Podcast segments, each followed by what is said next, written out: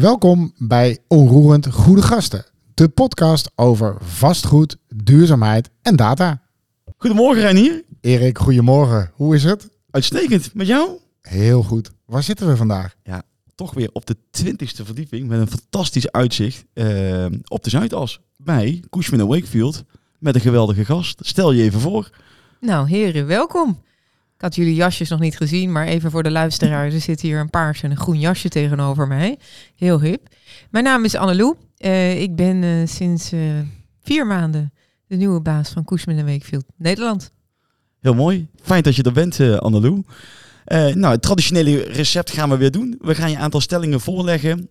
verzoek om daar kort op te antwoorden. En dan gaan we daarna er dieper op in. Dus uh, ik zou zeggen, uh, laten we uh, beginnen. Doe jij de eerste? Ik doe de eerste. De huidige beurskoers maakt Cushman Wakefield een overnameprooi.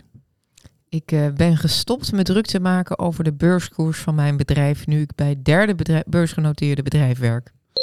Heel goed. Dat is een, nog geen ja, geen nee, maar, of eens oneens, maar er valt vast meer over te vertellen zometeen. de tweede stelling. Cushman Wakefield, landelijke speler of lokale specialist? Landelijke speler. Landelijke speler. Uh, stelling 3. Eerste 100 dagen. Meer kansen dan uitdagingen. Klopt. Dat is allemaal vrij duidelijk. De vierde stelling wordt uh, of is de S van social in ESG de belangrijkste waardedriver van kantoren? Nee. Mooi. Mooi. Dan zullen we het daar zeker over hebben. En dan de vijfde. En de vijfde stelling. Eerst sporten, dan eten of eerst eten en dan sporten? Vooral veel eten.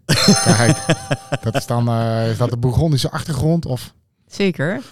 Ook. Uh, hotelschool speelt ook mee, kan ik je vertellen. Zeker. Ja. Ja, nee, uh, we hadden het natuurlijk in de voorgesprek al even over.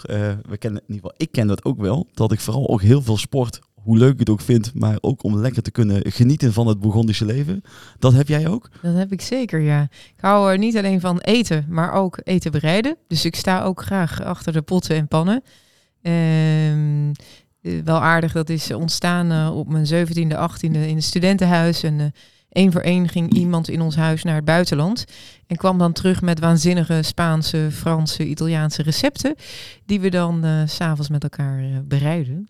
En zo verder uitgebreid. Onder het genot ook van een goed glaasje wijn, ongetwijfeld. Ongetwijfeld. Ja, Jij zegt het. Ja. ja ik, zelf, ik, merk nu al dat we de relatie wat gaan, uh, gaan, gaan, flink gaan opplussen. Want ik zie hier veel mogelijkheden als Bourgondisch man zelf. En ook nog in de wijn. Ook nog een wijn. Ja, dat is dan weer mijn grote hobby. Ja? Uh, stiekem bij. Maar uh, daar kunnen we vast een wijnspijs van maken. Dat komt Gaan goed. we doen. Doe jij eten, ik de wijn. Perfect. Deal.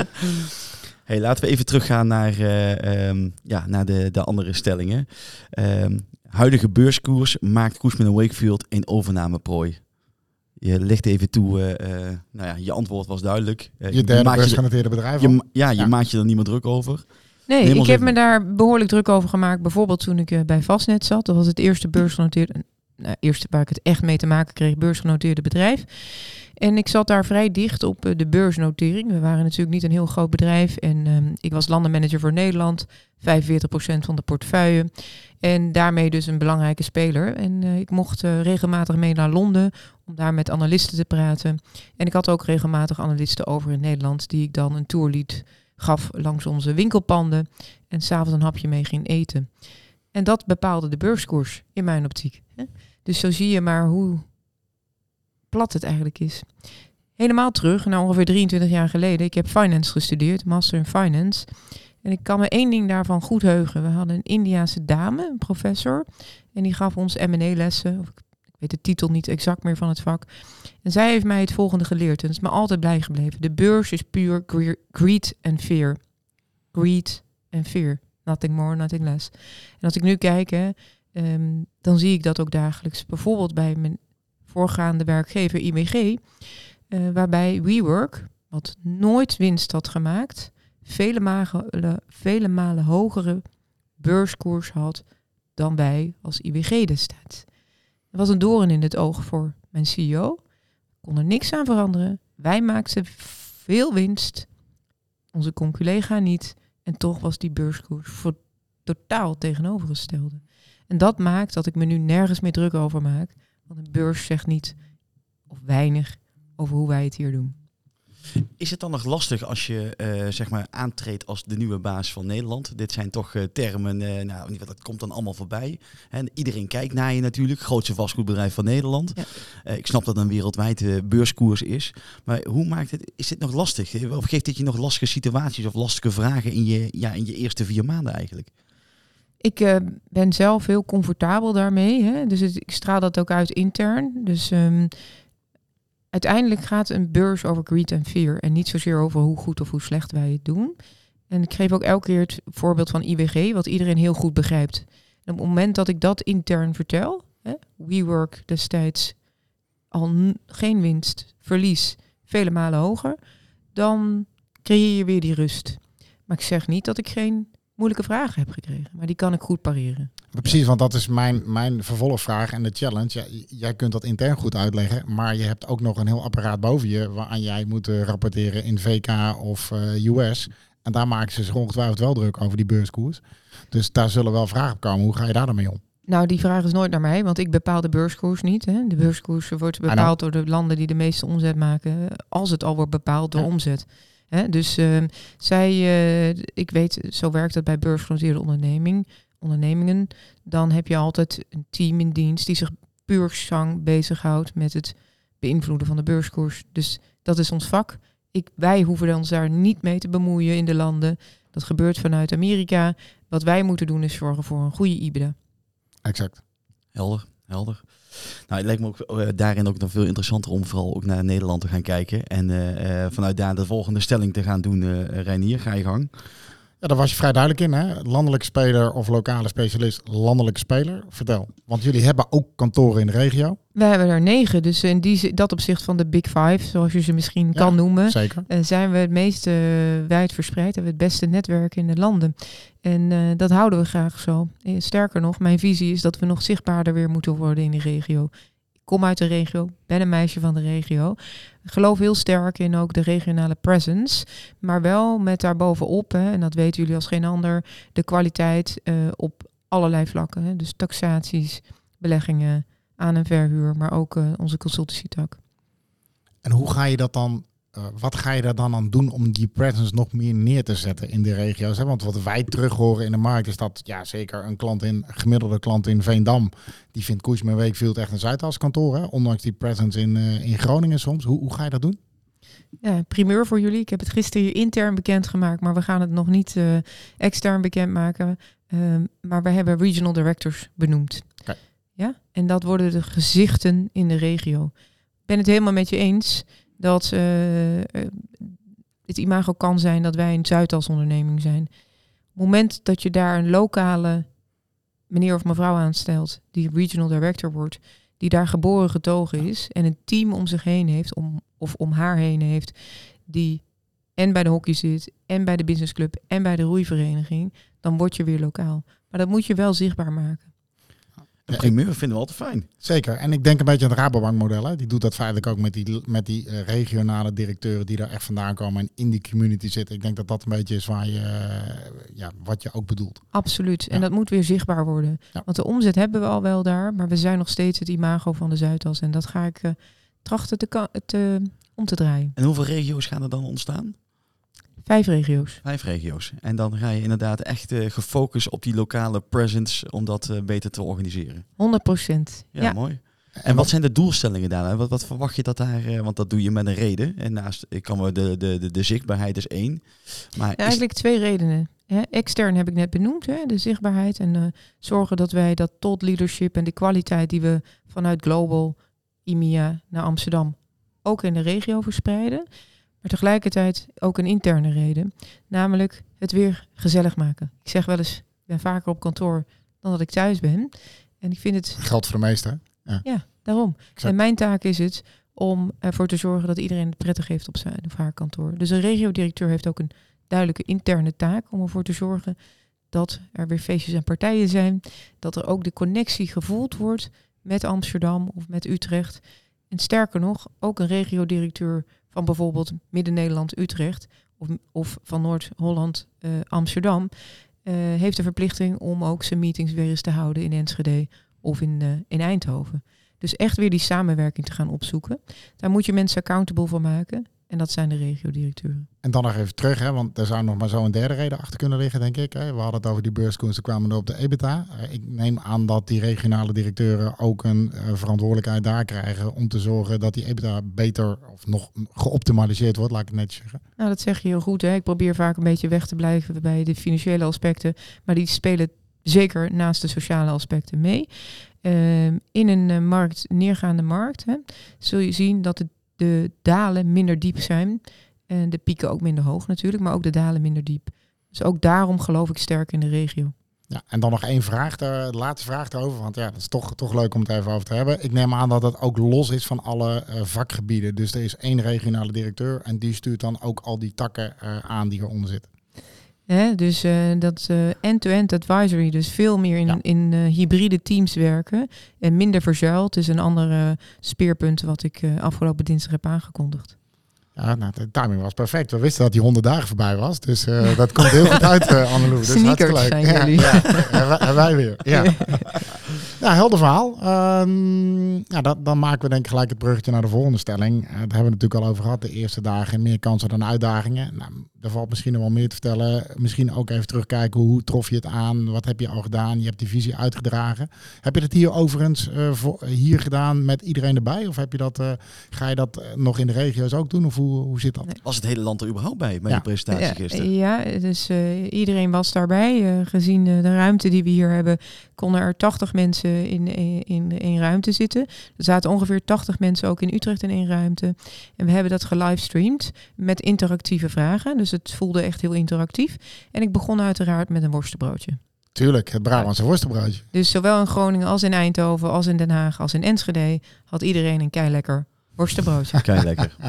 Want je, hebt, jou, jij, jij bent Brabants dus. Uh, ja. daarin, uh, kijk, heel goed. Ja, Limburg en Brabant. Uh, Oh, maar goed, maar nee. gaan we, Ja, ja, nee, gaan we buitenuit. nee, nee. buiten- Nee, ja, ik zou al meteen een sausijzenbroodje, denk ik. Maar Ja. goed. eh, prima. hey, maar even terug Ja. naar die eh, ehm, eh, 100 dagen. 100 dagen Annalou is het eigenlijk. Hè? Daar zijn we eh, nu. Wat heb je aangetroffen? Een heel mooi bedrijf, wat misschien te weinig gecommuniceerd heeft naar de buitenwacht, wat ze allemaal kunnen. Hè, Als we zien eh, hoe goed ze zijn in data, eh, daar heeft Jeroen natuurlijk ontzettend goed en mooi in geïnvesteerd. Veel data-analysten, maar ook als ik kijk op taxaties, kan altijd beter. Maar als ik zie wat wij bijvoorbeeld in die specialist markets doen, hè, Mooi woord, hè? ja, prachtig, lekker Engels. Ehm, maar de ziekenhuizen die we taxeren, zijn denk ik de grootste die, die dat doen. Hè? Wist ik niet voordat ik kwam. Dus ze gaan doen heel veel mooie dingen. Ehm, en daarbovenop eh probeer ik nog wel eh, ook mijn eigen stempel te gaan drukken. En eh, die zitten met name in de klantgerichtheid. Finance gestudeerd, ben een enorme cijferfreak. Maar daarvoor heb ik eh, hotelschool gedaan. En daar was de klant centraal stellen iets eh, wat in ons DNA zat. Hoefde je niet eens een les over te krijgen. Daarom zie je ook heel veel mensen met de achtergrond van de hotelschool overigens in de financiële sector. Ja, Dat, Oh, dat wist ik al niet. Ja. Ja, mooi. Goed. eh, klant centraal stellen. Dat is denk ik iets waar ik me zeker ook op ga focussen. Nou, dat lijkt mij altijd goed, hè? Want dat, dat, mag ook wel. En uiteindelijk vergeten we allemaal wel eens waarom we het doen. En we doen het voor die klanten en die bepalen. Dus dat is heel mooi dat je dat ook een centraal thema eh, benoemt. Maar als je dan ook even kijkt naar de, de, de marktsituatie die er is. Hè. Jullie zijn de, de- wordt er veel naar jullie gekeken van nou, hè, hoe staan we ervoor? We lezen in de, in de kranten dat eh, ondanks dat eh, eh, eventueel vastgoed is al eh, lager gewaardeerd is, dat de, het hele transactiegang nog niet echt lekker op gang komt. Hoe kijk, je- hoe kijk je daarnaar? Wat, wat, wat gaat er gebeuren de komende tijd? Ja, ehm, als ik zeg even alleen naar ons bedrijf kijk, hè, dus niet naar de vastgoedmarkt, ehm, dan zie je al dat we enorm gediversifieerd zijn de afgelopen decennia. Dat betekent dat we niet alleen maar transactioneel bezig zijn, maar ook veel meer recurring. hè. Eh, dat is één. Maar binnen onze transac- transactionele markt, dat heeft Jeroen heel goed ingezet, hebben we ook systemen ontwikkeld en modellen ontwikkeld, waardoor we ook op een recurring revenue met onze klanten werken. Abonnementsvormen onder andere. Dat gaan we verder doorzetten. De SaaS-modellen.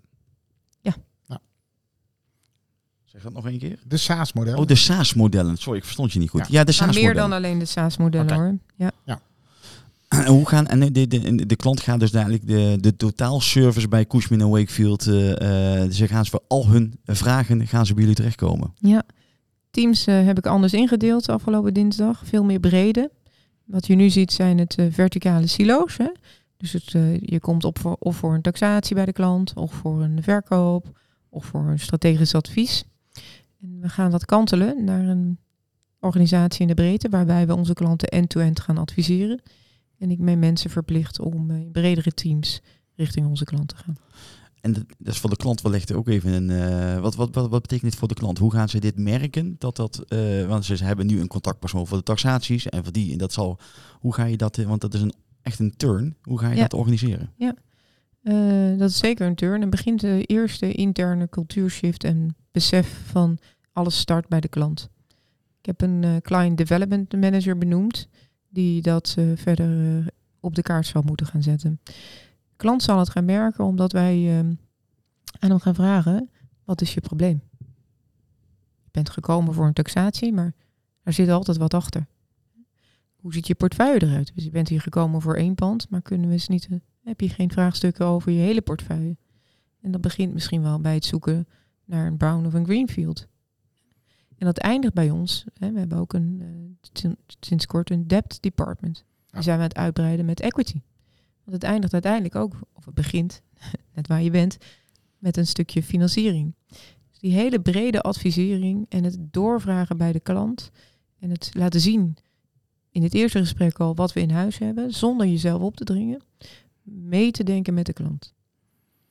En, hoe ga je dat doen? Hè? Want eh, we zien eh, ook vanuit taxaties de, splitsing en de scheiding tussen taxateurs en makelaars. Hè? Dat, dat, is ook vanuit de regelgeving wordt daar wat van gevonden. Hoe, hoe eh, ga je dat te lijf, om het maar zo te zeggen? Want dat natuurlijk wel, speelt er wel doorheen. Daar moeten we uiterst zorgvuldig mee omgaan. Maar als ik in een van onze regiokantoren kom, dan is die bredere samenwerking is automatisch al daar. Kleinere kantoor met allerlei specialisten die samen lunchen, samen aan een tafel zitten en weten elkaar dus veel sneller te vinden. Dus het kan wel. Ja. Je moet alleen goed en met name digitaal dingen gaan scheiden. Ja, systeem, et cetera. Ja, Ja. precies. Is dat, ja, is dat voldoende? Is het systeemscheiding, is dat dan voldoende? Want ik kan me voorstellen, als je dat inderdaad via een klantbenadering doet, één, ik noem het even één contactpersoon voor alles. Even, eh, Als de klant dat wil, hè? Als Want, de- want ik heb ook klanten zoals bijvoorbeeld een ABN AMRO die zelf ook in zuilen werken. En die zeggen, nou Annelou, eh, wij willen daar op termijn wel naartoe, maar nu vinden we het prettig als wij toch nog verschillende eh, contacten hebben. Ja. Hè? Dus eh, het, het- alles vanuit die klant. Eh, is dat, eh, jouw vraag was, is dat voldoende? Nou, is dat voldoende ook bijvoorbeeld in die, in die, eh, nou, in die, ook in die scheiding te houden? Je wil natuurlijk ook die, de, de, nou, het taxeren en het makelen, dat, dat het moet duidelijk eh, divers zijn. Is een systeem, snap ik.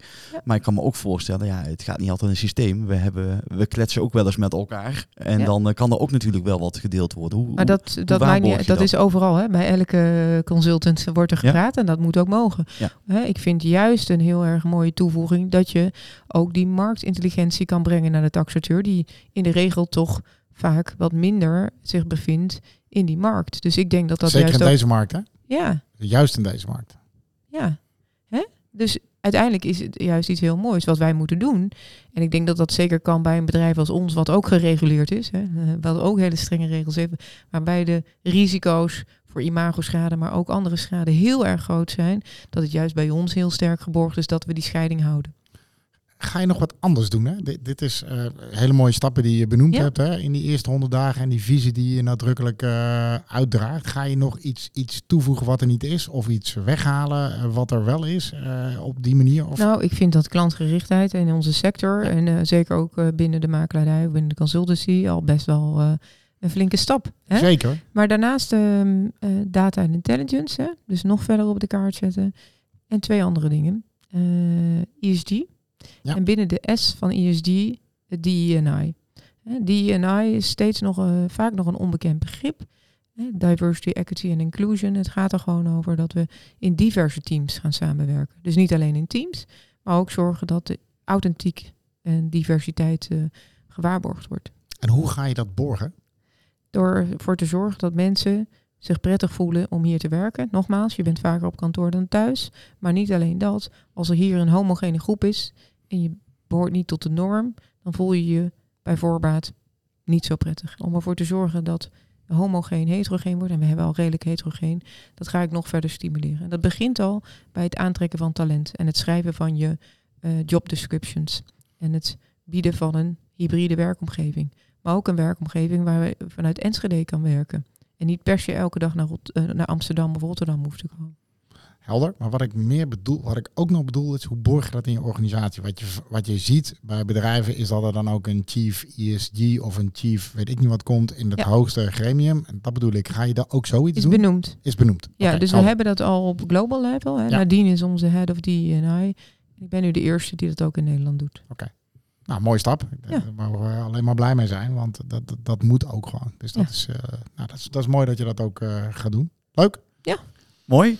Hey, maar laten we dan op de bruggetje even maken, ook naar die laatste stelling, eh, als we dan Ja. bij de ESG zijn aangekomen. Gaan we toch dieper het vastgoed in, hè? Zo is het. Die, die, die kantoren en, en de S, of dat dan de grootste waardedriver gaat worden, daar zei je resoluut eh, nee op eh, binnen Nee, de- ECG. De grootste waardedrijver is nog steeds gewoon het eh, geld. Hè? Dus de huurwaarde, de huur.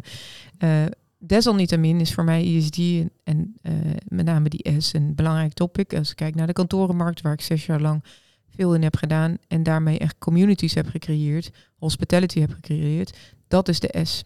Maar ook kijken naar wie is je huurder. Dus weliswaar is het niet de belangrijkste waardedrijver, dat is nog altijd het financiële aspect. Maar het sociale aspect zal zeker het belangrijkste thema worden om je te onderscheiden in die markt. Maar is die S dan eh, eh, niet, eh, ehm, ja, heeft die niet heel veel impact op die financiële, zeg maar die huurinkomsten? Gaat dat niet daar het verschil maken? Dat je daar binnen, als, eh, ik als huurder kies voor dat pand vanwege misschien wel een betere S, het ge- georganiseerde S. Zeker, dus je ziet dat de keuze wordt gemaakt voor de georganiseerde S. Maar uiteindelijk of het pand op de Zuidas staat, ja, of ergens in Den Bosch op Park, dat is degene, dat is de, de locatie bepaalt die waarde. Maar als je, op de, als je appels met appels vergelijkt en je hebt een betere sociale component, dan zal dat de grootste waardedrijver zijn. Maar dat is alleen maar als je twee panden naast elkaar hebt die allebei even duurzaam zijn, die allebei even ehm, dezelfde ligging hebben. Als de ene een wat betere sociale component heeft, dan zal dat zeker een waarde vertegenwoordigen. Ja, precies. En kunnen jullie daar dadelijk, eh, is het al mogelijk eh, om dat ook veel meer inzichtelijk te maken? Want dat is natuurlijk uiteindelijk, hè, we proberen iedereen, eh, we, hebben, we spreken veel partijen die allemaal heel druk met de S bezig zijn, maar ook allemaal zeggen, nou, dit is onze eerste stap. We, ehm, eh, is Cushman al zover dat ze dat ook aan hun klanten inzichtelijk kan maken, wat de waardeontwikkeling zou kunnen zijn als je die S verder goed ontwikkelt? Zeker. Dus kijk wat wij met onze data doen. En we hebben alle gebouwen in onze database staan. En die, die database zijn we alleen maar aan het verrijken met andere data. En niet alleen kijken wat is het nu waard, maar ook wat als je een sociale component aan toevoegt. En die, dat kunnen wij heel goed inzichtelijk maken. En gelukkig zijn wij een global company, waardoor je dus ook heel veel ehm, slimme mensen hebt. En niet alleen in Nederland. En we hebben Rethinking the Office geschreven. En dat gaat echt over reinventing the office, over die sociale component. En uiteindelijk zit daar ook een hoofdstuk in dat gaat over de waardetoevoeging die je daarmee doet. En als je dan een koppeling maakt hè, met jullie eigen locatie hier, is dit dan ook de locatie die inclusief is, eh, die sociaal is, waar jullie ook willen blijven zitten op deze locatie? Past die bij je doelstelling? De laatste vraag ga ik geen antwoord op geven, maar is die, is die eh, inclusief of uniek? Nee, helemaal niet. Kleine veranderingen ga ik doorbrengen. We hebben hier een cateraar, 13 in een dozijn. Ik denk dat je daar al heel veel verschil mee kan maken. Ik ben bezig met een eh, meer sociale cateraar, maar ook eh, de ingrediënten en de manier van koken veel socialer wordt. Ik ben bezig met in het weekend het gebouw openstellen voor het buurthuis wat hier gesloten wordt. En op die manier probeer ik dit gebouw wel socialer te maken. Dat is heel erg sociaal, absoluut. Ja, Ja. Goed, leuk. Ja. Mooie, mooie initiatieven. Ja, ik ben eh, nog steeds in mijn eerste honderd dagen, maar Ja. ik heb al een hoop bereikt. Ja, dat, eh, de verwachtingen waren ook hoog gespannen, denk ik, eh Ja. Annelou.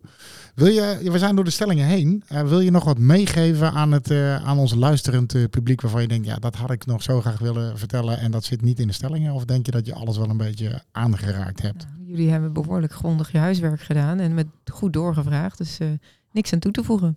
Annelou, eh, ja, we sluiten altijd af met eh, de traditionele vraag. Is eh, wie zou je willen uitnodigen voor de podcast en wat zou je hem of haar willen vragen? Ik zou graag willen uitnodigen Cornelie Arnouds. Zij werkt voor Dentons, partner daar en runt een eigen eh, vastgoedpraktijk. En de vraag die ik voor je heb, Cornelie, we kennen elkaar al heel wat jaartjes. Is het betrekken van een vastgoedadvocaat bij een deal een vloek of een zegen? Kijk, dat is een leuke vraag. Relevant ook. Meteen de stelling. Dus Ja, dat is ook fijn eh, in onze voorbereiding. Dankjewel. Ja, Hey, Anlo, ik wil je ontzettend bedanken voor, eh, voor je tijd. En uiteraard ontzettend veel succes wensen eh, in deze prachtige rol die, je die je hebt. En ik kan eh, ook jou eh, uiteraard weer bedanken, Reinier, voor deze nou ja, heerlijke ochtend. zeker. Het is leuk om hier eh, weer geweest te zijn. voor de derde keer inmiddels bij, uh, bij Koesman. Dus dat eh, vinden we leuk. En ja, nogmaals bedankt ook. En ik zou alleen willen zeggen, jullie weten ons te, te vinden via de podcastkanalen. En als je zelf in de podcast wil of je hebt een opmerking, weet je ons ook te vinden. Dus dankjewel. Dankjewel. Jullie bedankt.